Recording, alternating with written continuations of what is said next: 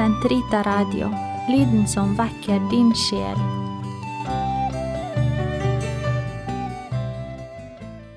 Den katolske kirkes katekisme, uke 42, fredag 2337 til 2345. Kall til kyskhet. Kyskhet betyr en vellykket integrering av seksualiteten i mennesket, og dermed menneskets indre enhet som kroppslig og åndelig vesen.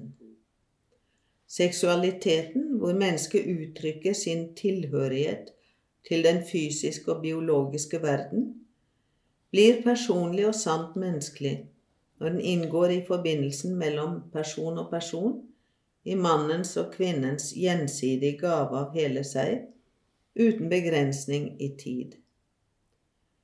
Kyskhetens dyd innebærer altså personlig integritet og fullstendig hengivelse. Personlig integritet. Et kyskt menneske bevarer alle de livs- og kjærlighetskrefter som er nedlagt i det. Denne helheten sikrer personens enhetlighet og motsetter seg all fremferd som ville kunne skade den. Den tåler verken dobbeltliv eller løgnaktighet. Kyskhet innebærer å lære seg selvbeherskelse, noe som er en oppdragelse i menneskelig, menneskelig frihetsutøvelse. Alternativet ligger i dagen. Enten behersker mennesket sine lidenskaper og oppnår fred, eller det lar seg trellbinde av dem og blir ulykkelig. Menneskets eget verd fordrer altså at det bevisst og fritt velger sine handlinger i et personlig engasjement, verken ledet av en blind indre drift eller eller av rent ytre tvang. Dette menneskeverd viser seg hos den som, frigjort fra lidenskapenes slaveri, forfølger sitt mål ved fritt å velge det rette og på samme tid sørger for å få hjelp når det trengs. Den som vil forbli tro mot sine dåpsløfter og motstå fristelser, passe på å skaffe seg de riktige midler til det.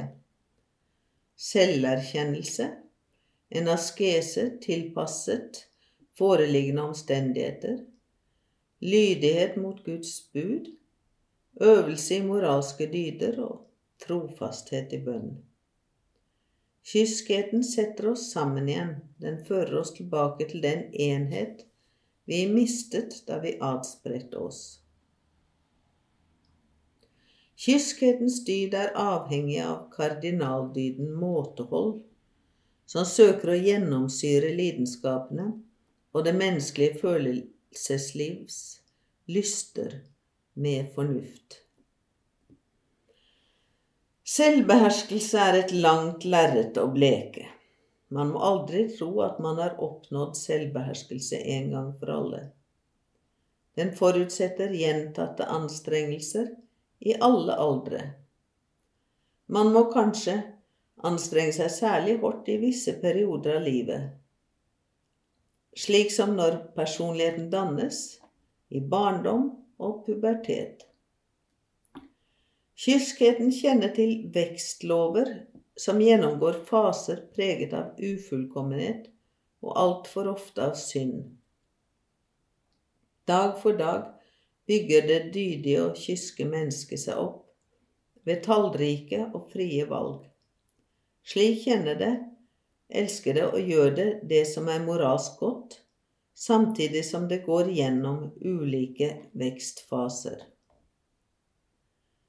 Kyskheten utgjør en oppgave som i høyeste grad er personlig, men den innebærer også en kulturell anstrengelse.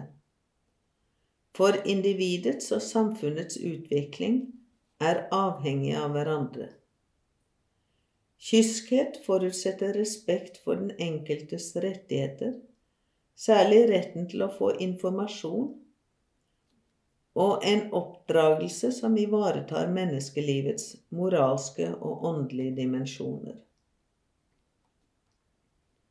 Kyskhet er en moraldyd. Den er også en Guds gave, en nåde, en frukt av åndelig virke. Den hellige ånd gir i gave å etterligne Kristi renhet til den som er gjenfødt i dåpens mann.